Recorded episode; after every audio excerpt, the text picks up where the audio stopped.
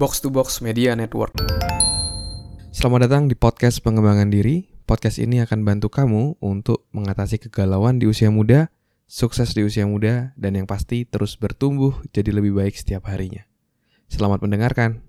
Hai Chandra Spurdes, dan pada podcast kali ini saya akan sharing tentang cara mengatasi rasa takut, cemas, dan overthinking. Nah sebelumnya saya mau ajak kamu untuk join dalam webinar Unlimited Success, cara sukses di usia muda meskipun kamu merantau serta belum punya pengalaman dan relasi yang banyak. Di webinar ini kamu akan belajar tentang 5 langkah perubahan mewujudkan apa yang kamu inginkan, cara mengatasi rasa takut gagal, dan juga cara membangun support system meskipun kamu saat ini berada dalam lingkungan yang toksik.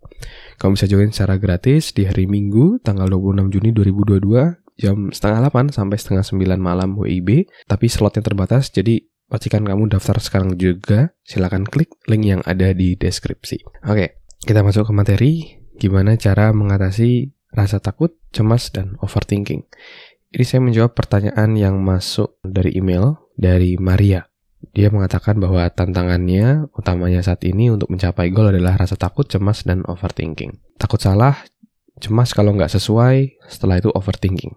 Motivasi kadang berkurang, bahkan hilang untuk hal-hal yang aku kerjakan. Tapi sejauh ini, setelah dengar podcast kakak, lebih termotivasi sih, sangat bermanfaat dan merasa beruntung bisa nemuin podcast ini di Spotify. Thank you kak. Oke, jadi memang kita akan menjadi cemas gitu ya. Ketika kalau kita punya mindset bahwa kita nggak boleh salah.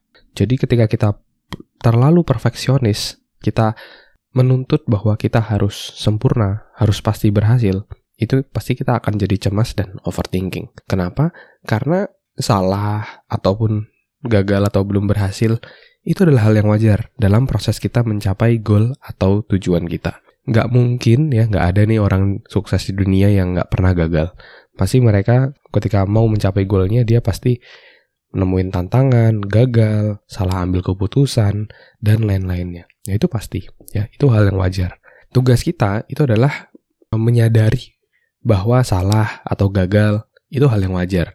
Yang penting kita belajar dari sana dan jadi jauh lebih baik untuk selanjutnya. Nah terus dari mana sih datangnya pola rasa takut gagal tadi ya kita jadi takut gagal kita harus sempurna segala macam itu munculnya dari mana sih? Kalau dari saya melihat prosesnya, ya sering kali sering terjadi karena dari pola asuh masa kecil. Seringkali orang tua kita itu menuntut kita bisa jadi sempurna. Nilai harus 100 semua misalnya, atau nggak boleh ada yang di bawah 90 dan lain-lainnya. Jadi harus benar, harus perfect, harus dapat nilai 100. Dan itu menumbuhkan rasa perfeksionis dalam diri kita.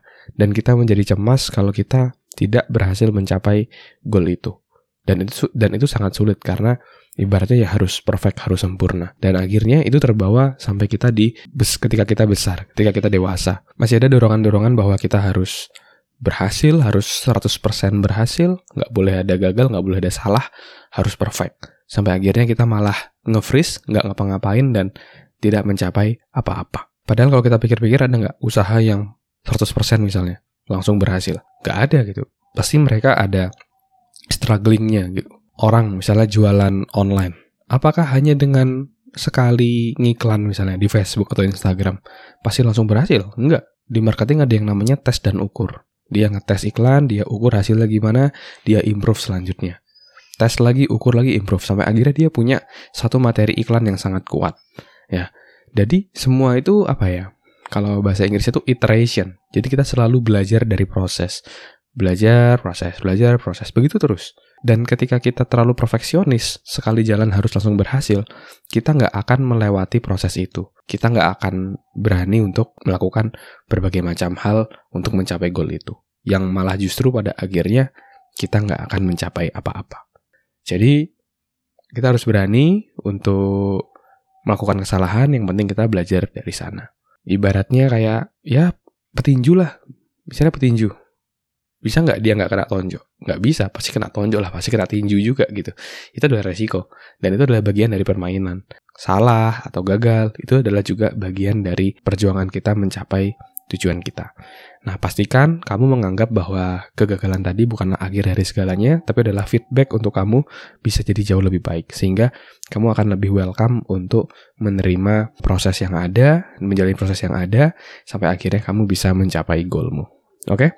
thank you semuanya udah dengerin podcast kali ini. Jangan lupa kamu bisa join dalam webinar Unlimited Success.